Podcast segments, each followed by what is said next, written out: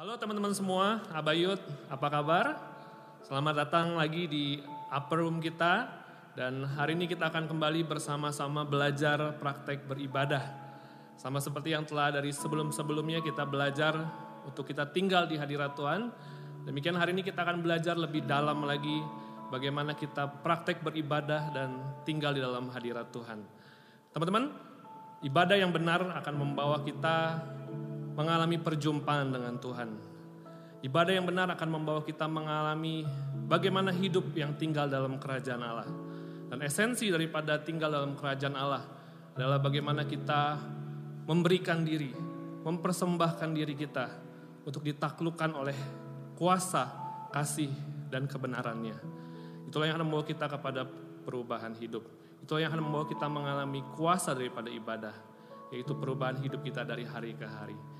Mari teman-teman hari ini sebelum kita memulai ibadah kita hari ini, mari kita arahkan hati kita, pikiran kita, perasaan kita, kehendak kita. Mari kita taklukkan di bawah kuasa kerajaannya. Mari kita taklukkan di bawah kendali kebenarannya, kasihnya, dan kuasanya dalam hidup kita. Mari kita datang kepada dia, kita nikmati penyembahan ini. Kita nikmati berada dalam hadiratnya, kita temukan kebenarannya dalam hidup kita.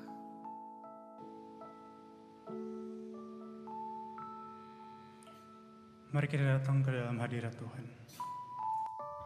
Who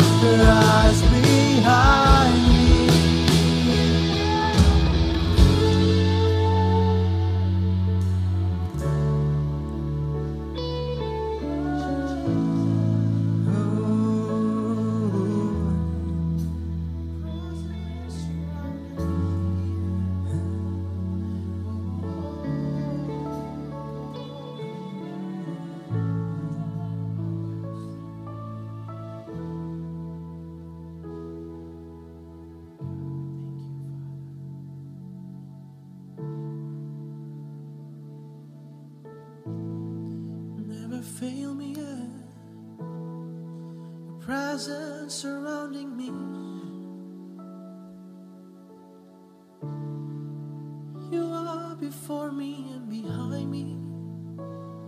Oh, we need you, Lord.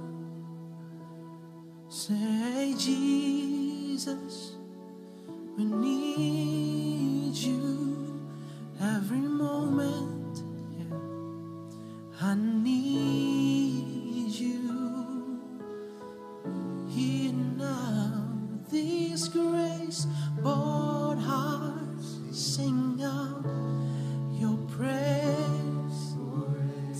I need you,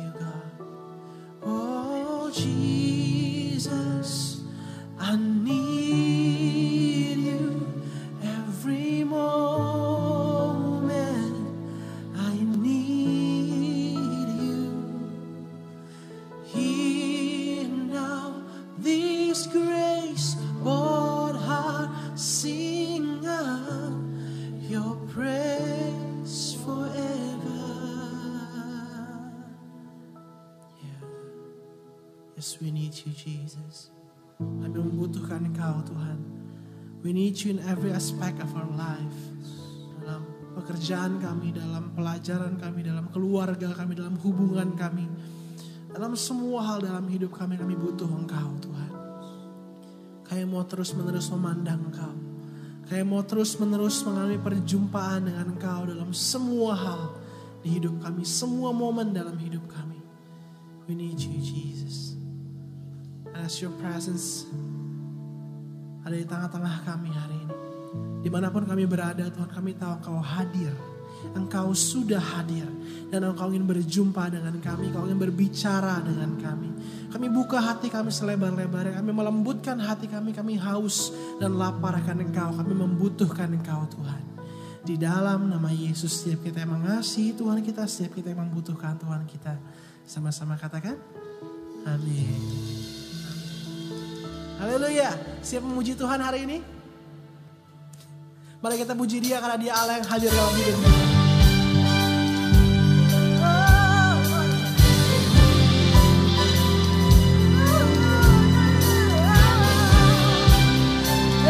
Kebesaranmu Tuhan.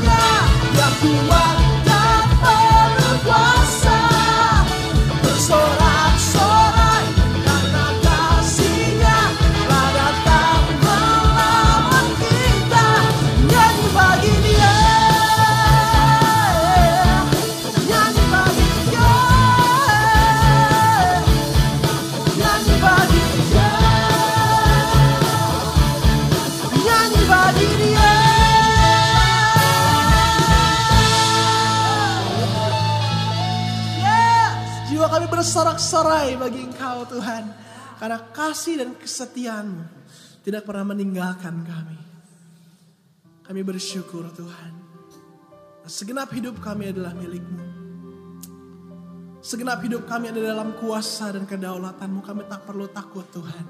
Engkaulah pemilik hidup kami. Karena engkaulah kami bersuka cita. Karena engkaulah kami bisa tenang dan tentram dalam hadiratmu Tuhan. Sebab segala sesuatu adalah dari dia, oleh dia dan kepada dia. Bagi dialah segala kemuliaan sampai selama-lamanya. Terima kasih Tuhan. Oh thank you Jesus.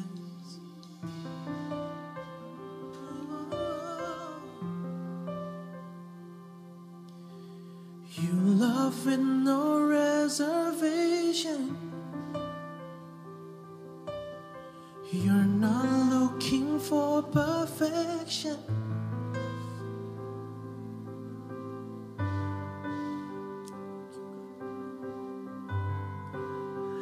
I'll give you everything.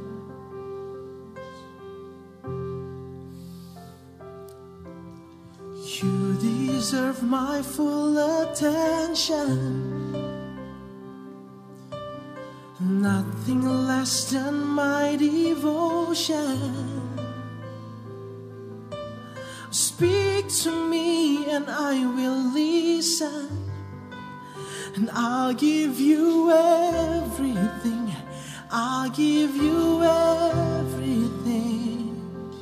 Oh, oh, oh, oh. you can have my heart. You can have my heart. Oh, oh, oh, you can have my heart. You can have my heart. Be the Lord of my emotions. Set me free selfish motives. Search me till there's nothing hidden. And I'll give you everything. I'll give you everything.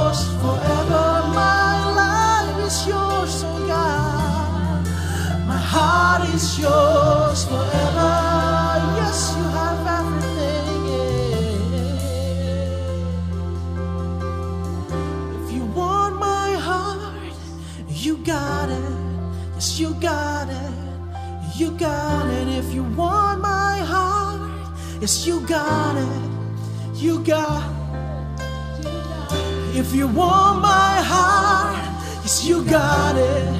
You got it. You got it. If you want my heart, you got it. You got it. You got it.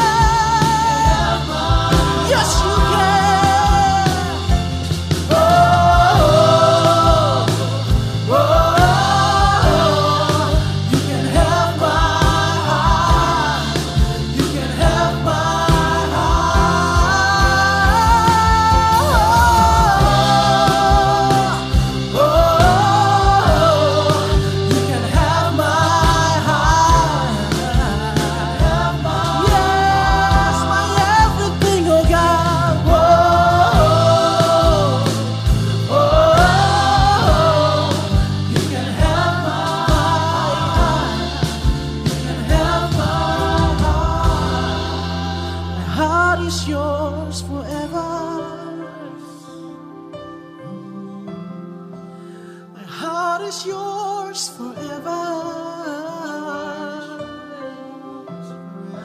I love you, Lord, with all my heart, my soul, my mind, my strength.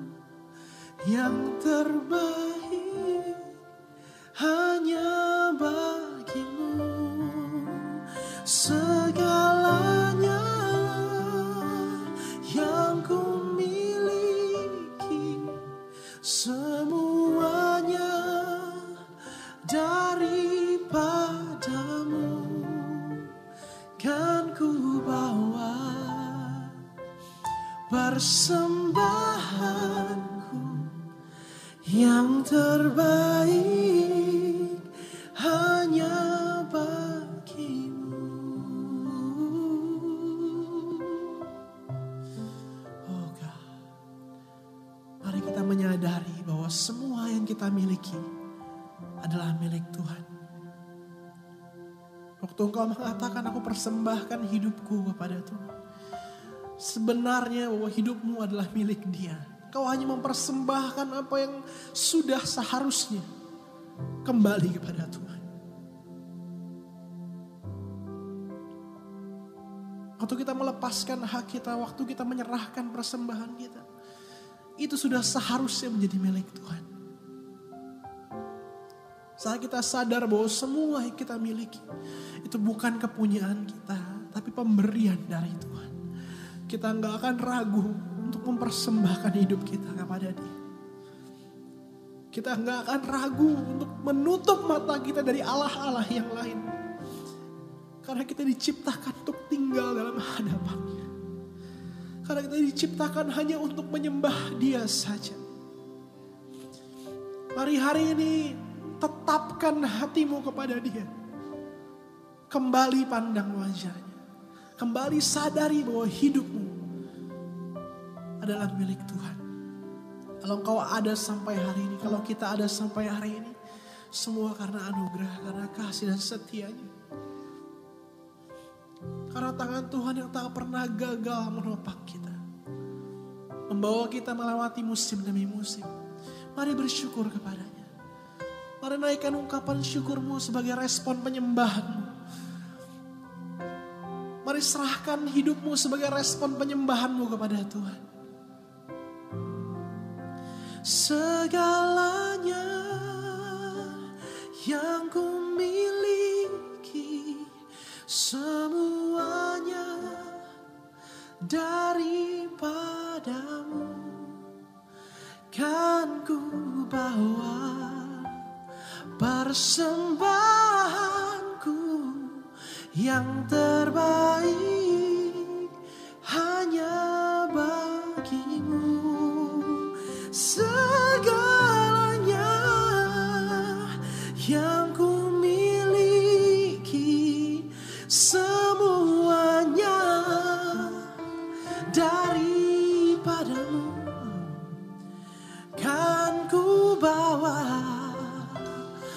persembahanku yang terbaik hanya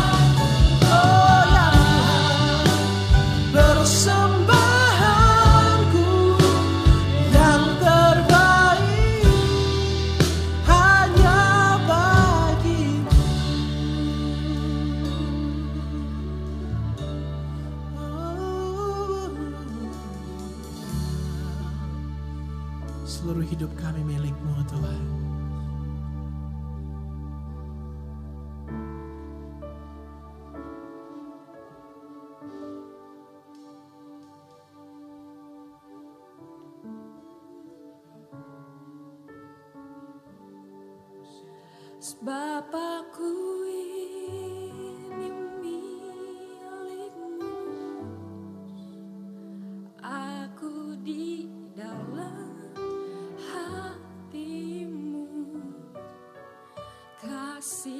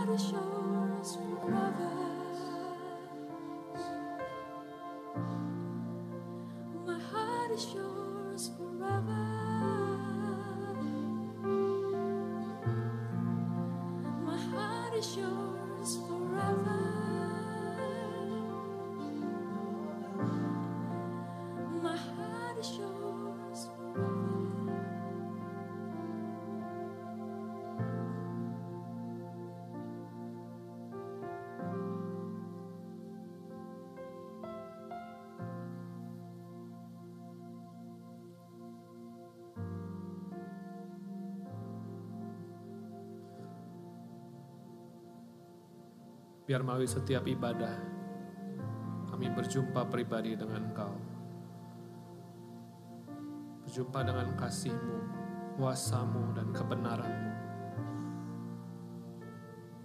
Biar kami duduk diam mendengar firman-Mu, kebenaran-Mu.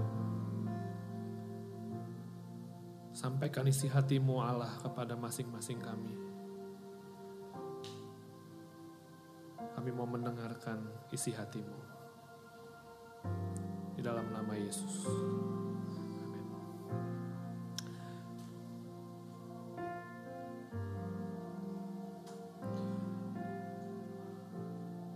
Teman-teman dari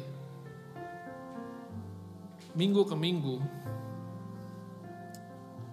kita selalu belajar tentang ibadah. Kita selalu belajar bagaimana kita tinggal di hadirat Allah. Kita belajar apakah arti ibadah yang sejati. Aku mendorong kita semua untuk tidak pernah bosan mendengar kebenaran ini. Kebenaran ini akan membawa kita semakin mengenal Allah kita, mengenal Bapa kita. Teman-teman, ibadah yang benar akan membawa kita senantiasa hidup di dalam kerajaan Allah. Ibadah yang benar akan senantiasa membawa kita hidup di dalam kerajaan Allah. Kerajaan Allah bukanlah sebuah tempat, bukanlah sebuah tempat yang kita bilang ada di sana, ada di sini. Kerajaan Allah bukanlah surga, tapi kerajaan Allah berbicara tentang pemerintahan Allah dalam hidup kita. Di dalam kerajaan Allah, kita akan menemukan kebenarannya, kasihnya, dan kuasanya. Oleh sebab itu Yesus selalu berkata, carilah dahulu kerajaannya. Carilah dahulu kerajaannya. Ada satu sikap hati, ada satu prioritas yang Yesus mau untuk kita miliki dalam hidup ini. Yaitu mencari dahulu kerajaannya lebih daripada apa pun. Kenapa demikian? Karena kerajaan Allah adalah segala sesuatu yang kita perlukan dalam hidup ini. Lebih daripada yang lain. Makanya teman-teman kita perlu melatih diri kita terus menerus beribadah. Setiap hari kita perlu melatih diri kita memiliki ibadah yang sejati. Setiap hari sebagai sebuah gaya hidup. Dimulai dari mana? Dimulai dari ketika kita memiliki tantangan. Ketika kita memiliki pergumulan dalam hidup. Ketika kita ada dalam pencobaan. Pakailah setiap kesempatan yang ada, tantangan yang ada. Untuk kita datang kepada Tuhan. Untuk kita tinggal di hadiratnya Pakailah segala situasi dan kondisi. Mungkin itu keadaan yang gak enak. Mungkin itu keadaan yang menyesakkan. Mungkin itu masalah. Mungkin itu sebuah problem. Ya mungkin keadaan-keadaan yang tidak menyenangkan dalam hidup. Mungkin ada proses yang berat dalam hidup kita. Pakailah keadaan-keadaan yang tidak menyenangkan. Pakailah masalah, pakailah pencobaan. Untuk melatih diri kita terus datang ke dalam hadirat Allah Pakailah keadaan yang ada untuk kita terus-menerus beribadah. Inilah latihan ibadah yang reaktif. Yang dua minggu lalu kita telah bahas hal ini. Lewat keadaan-keadaan, lewat situasi dan kondisi. Kita melatih diri kita beribadah. Bukan hanya itu. Kita juga perlu melatih diri beribadah dengan disengaja. Teman-teman, apakah setiap hari ada waktu yang kita luangkan untuk kita memiliki ibadah, untuk kita melatih diri kita terus datang ke hadirat Tuhan. Kita perlu melatih diri kita setiap hari, mungkin setiap pagi. Setiap pagi ketika kita bangun pagi, mari carilah kerajaannya. Marilah datang kepada Tuhan. Marilah kita belajar beribadah setiap pagi. Dalam setiap hari, dalam setiap keadaan, Marilah kita praktek dengan disengaja untuk kita dapat beribadah. Teman-teman, apakah kita memiliki ibadah setiap hari? Ibadah bukanlah sekedar pertemuan hari Minggu, bukanlah sekedar pertemuan komsel, tapi ibadah adalah sebuah gaya hidup sehari-hari. Di dalam masalah, di dalam tantangan, mungkin di dalam hari-hari yang paling biasa, gak ada kejadian apa pun, pakailah waktu-waktu yang ada untuk melatih diri kita beribadah. Teman-teman, ibadah yang sejati adalah sewaktu kita memiliki gaya hidup ibadah. Gaya hidup melekat kepada Tuhan. Itulah ibadah kita yang sejati. Tapi bukan hanya berhenti sampai di sana. Tapi apakah dalam setiap ibadah kita bukan hanya menikmati hadiratnya, tapi seperti yang Matius 6 ayat 33 katakan, Firman Tuhan berkata, tetapi carilah dahulu kerajaan Allah dan kebenarannya, maka semuanya itu akan ditambahkan kepadamu. Teman-teman, setiap kali kita beribadah, mari kita bukan hanya menikmati hadiratnya, tapi kita juga mencari kerajaannya dan kebenarannya. Kebenaran di dalam Matius 3 Matius 6 ayat 33 tertuju kepada hati dan pikiran kita yang benar. Apakah di dalam setiap ibadah kita menyerahkan pikiran kita, hati kita untuk dikuasai, untuk ditaklukkan oleh kebenaran yang akan mengubahkan hati dan pikiran kita. Teman-teman dalam pikiran kita, dalam hati kita, ada banyak sekali pikiran-pikiran yang berdosa. Ada banyak sekali trauma di masa lalu. Ada banyak sekali pengalaman-pengalaman yang mungkin menyakitkan. Ada banyak paradigma yang salah. Ada banyak statement yang salah. Tetapi di dalam ibadah, Tuhan ingin menaklukkan semua pikiran kita, hati kita di bawah kendali kebenaran. Oleh sebab itu teman-teman kalau kita setiap hari beribadah, kalau setiap hari kita menyerahkan pikiran kita, hati kita untuk dikendalikan oleh kebenaran, maka kita akan mengalami kuasa daripada ibadah, yaitu perubahan hidup kita. Teman-teman Tuhan rindu untuk kita senantiasa tinggal di hadiratnya. Tuhan rindu untuk kita tinggal di hadiratnya saat ini, hari ini, di waktu yang sekarang. Ada banyak orang tidak bisa menikmati hadirat Allah hari ini. Ada orang gak bisa menikmati indahnya bersama dengan Tuhan, pengalaman bersama dengan Tuhan saat ini. Karena mungkin dia ada di masa lalu. Teman-teman sewaktu ada angin sakal yang melanda murid-murid di danau. Yesus berkata kepada murid-muridnya, aku ini. Yesus mau bilang kepada murid-muridnya, aku ada sekarang. Tetapi ada banyak anak-anak Tuhan tidak hidup di waktu yang sekarang. Mereka hidup di masa yang lalu. Ada banyak anak-anak Tuhan hidup dalam penuduhan. Mungkin dalam dosa di masa lalu, dalam penuduhan. Di dalam ketakutan, dalam kecewaan, dalam rasa tertuduh yang di masa lalu. Ada banyak anak-anak Tuhan jatuh dalam dosa dan sampai hari ini masih tertuduh. Ada penuduhan yang begitu menguasai, ada kesedihan yang begitu menguasai. Itu yang menghalangi kita untuk tinggal di hadirat Tuhan hari ini. Tapi juga ada anak-anak Tuhan yang tidak hidup di hari ini. Dia justru hidup di masa depan. Sehingga banyak kekhawatiran, banyak ketakutan. Alkitab mengatakan di dalam Matius 6 ayat 25 sampai 34. Yesus berkata, "Janganlah khawatir akan hidupmu, akan apa yang hendak kamu makan atau minum. Dan janganlah khawatir pula akan tubuhmu, akan apa yang hendak kamu pakai. Bukankah hidupmu lebih penting daripada makanan dan tubuh itu lebih penting daripada pakaian? Pandanglah burung-burung di langit yang tidak menabur dan tidak menuai dan tidak mengumpulkan bekal dalam lumbung, namun diberi makan oleh Bapamu yang di surga. Bukankah kamu jauh melebihi burung-burung itu? Siapakah di antara kamu yang karena kekhawatirannya dapat menambah sehasta saja pada jalan hidupnya? Dan mengapa kamu khawatir akan pakaian? Perhatikanlah bunga bakung di ladang yang tumbuh tanpa bekerja dan tanpa memintal.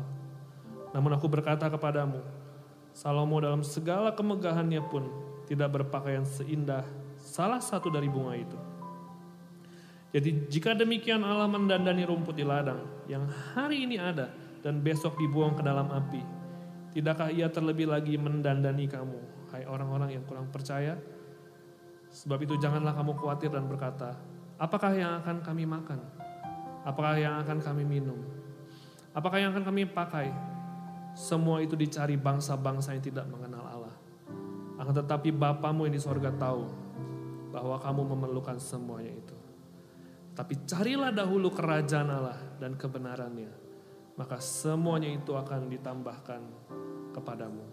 Sebab itu janganlah kamu khawatir akan hari esok. Karena hari esok mempunyai kesusahannya sendiri. Kesusahan sehari cukuplah untuk sehari. Teman-teman melalui ayat ini Yesus sedang mengingatkan kita untuk kita hidup di hari ini. Hiduplah di hari ini. Janganlah dengan penyesalan di masa lalu. Janganlah dengan penuduhan di masa lalu. Hiduplah di hari ini. Janganlah dengan kekhawatiran akan masa depanmu. Janganlah dengan ketakutan akan masa depanmu. Hiduplah di hari ini. Tuhan kita adalah Tuhan atas hari ini. Marilah kita cari dahulu kerajaan Allah dan kebenarannya. Maka segala sesuatu yang kita perlukan akan ditambahkan kepada kita. Teman-teman, apakah hari ini engkau hidup di hari ini menikmati hadiratnya? Apakah engkau hidup hari ini beribadah kepadanya? Teman-teman, kalau kita tidak hidup di hari ini, kita akan miss, kita akan melewatkan tuntunan Tuhan dalam hidup kita hari ini. Oleh sebab itu janganlah hidup dengan penuduhan, janganlah hidup dengan ketakutan dan kekhawatiran. Hiduplah di hari ini, maka Allah akan menyatakan kebenarannya dan tuntunannya di dalam kehidupanmu. Mari teman-teman setelah ibadah ini selesai, mari cerita dengan teman-teman kompakmu, dengan teman-teman komselmu. Apakah engkau hidup di masa yang lalu? Apakah engkau hidup dengan ketakutan, dengan penuduhan? Atau apakah justru engkau hidup di masa depan dengan kekhawatiran, dengan ketakutan? Apa yang menghalangimu untuk senantiasa hidup dalam hadirat Tuhan? Mari setelah ibadah ini, teman-teman boleh share dengan teman-teman yang lain. Saling menyatakan kebenaran. Kita mengatakan carilah dahulu kerajaan yang pemerintahannya dan kebenarannya. Oleh sebab itu kalau kita share dengan teman-teman kita satu dengan yang lain, jangan hanya share, tapi nyatakan kebenarannya. Maka segala sesuatu akan ditambahkan kepada kita. Teman-teman teringat ada sebuah kisah yang Dallas Willard ceritakan dalam bukunya. Suatu ketika ada seorang anak kecil yang ditinggal mati oleh ibunya. Ibunya meninggal sehingga dia hanya tinggal dengan papanya. Dallas Willard menceritakan kisah ini karena dia melihat satu ketika anak ini setiap malam anak ini tidak bisa tidur setiap malam anak ini tidak bisa tidur karena teringat akan mamanya yang sudah meninggal. Sampai setiap malam anak ini selalu datang ke kamar papanya. Dia mengetuk pintu kamar papanya, dia naik ke atas ranjang papanya. Dia selalu bilang kepada papanya, Pak boleh nggak saya tidur sama papa? Mereka matikan lampu, dan anak itu selalu memeluk papanya, papanya selalu peluk anaknya ketika dia tidur. Setiap malam setiap malam anak ini selalu bertanya kepada papanya, "Pak, apakah papa selalu melihat kepadaku? Apakah mata papa selalu memandang kepadaku?" Sambil memeluk anaknya, papa bilang, "Papa melihat kamu." Baru anaknya baru tidur. Baru anaknya bisa nyenyak dengan tidur.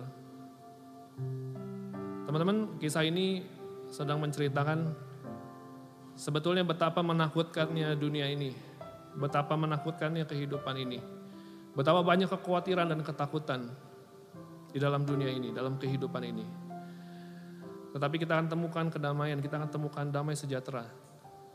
Ketika kita menyadari bahwa Allah kita, Bapak kita senantiasa memandang kepada kita dalam berbagai situasi, dalam berbagai kondisi. Dia mengatakan kepada kita, aku memandangmu. Aku bersama-sama dengan kamu. Aku mendekap hidupmu, aku menggenggam hidupmu setiap saat. Teman-teman kita bersyukur bahwa Allah kita adalah Allah yang menggenggam kita dengan begitu kuat. Sekalipun kita jatuh, kita tidak akan pernah terlepas daripada genggaman yang kuat. Mari kita senantiasa beribadah, tinggal di hadiratnya, dan temukan kekuatan genggaman tangannya dalam hidup kita. Amin.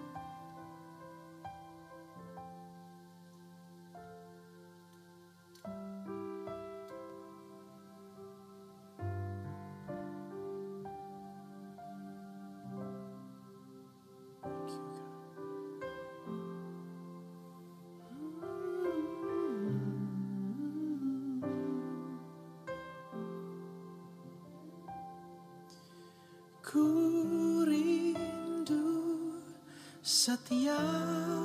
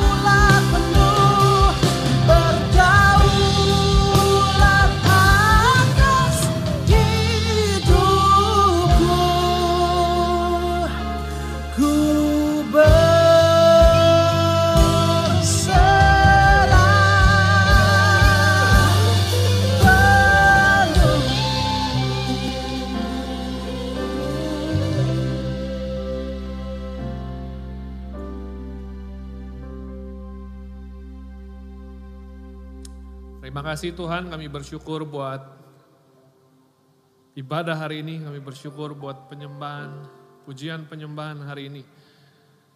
Kami percaya ada kuasa yang besar sewaktu dengan bersungguh hati kami melakukannya. Kami juga percaya ada kuasa yang besar ketika kami beribadah bersama dengan teman-teman kami yang lain dalam komunitas. Bahwa kami setiap hari Tuhan menyadari kehadiran-Mu dalam setiap keadaan, dalam setiap situasi, dalam setiap kondisi yang ada. Terima kasih kami bersyukur Tuhan bahwa kami memiliki ibadah yang sejati setiap hari dalam hidup kami. Kami bersyukur sebenarnya kami mau mengakhiri ibadah ini. Kami percaya setiap waktu Roh Kudus akan mengingatkan kami akan apa yang Yesus telah ajarkan. Roh Kudus yang akan membawa kami mendekat kepada Bapa untuk kami koram deo setiap hari. Kami menerima berkat-Mu Tuhan, kami juga menerima tuntunan-Mu. Kami juga telah diutus oleh Bapa untuk kami melakukan kehendak dan misinya setiap hari dalam hidup ini. Di dalam nama Yesus, kami telah beribadah, berdoa, bersekutu dengan pribadimu. Amin. Sebelum kita berpisah, menyapa juga teman-teman yang mungkin baru pertama kali mengikuti ibadah online bersama dengan Abayut. Kami mengucapkan selamat datang, selamat datang di Abayut, selamat datang di Gereja Sel. Teman-teman kami adalah Gereja Sel, gereja komunitas. Dan apabila teman-teman ingin bergabung bersama-sama dengan kami, teman-teman boleh menghubungi nomor yang ada di bawah ini untuk kami dapat uh, kontak teman-teman untuk teman-teman dapat bergabung bersama-sama dengan kami di dalam komunitas. Terima kasih teman-teman. Selamat hari Sabtu. Tuhan memberkati kita semua.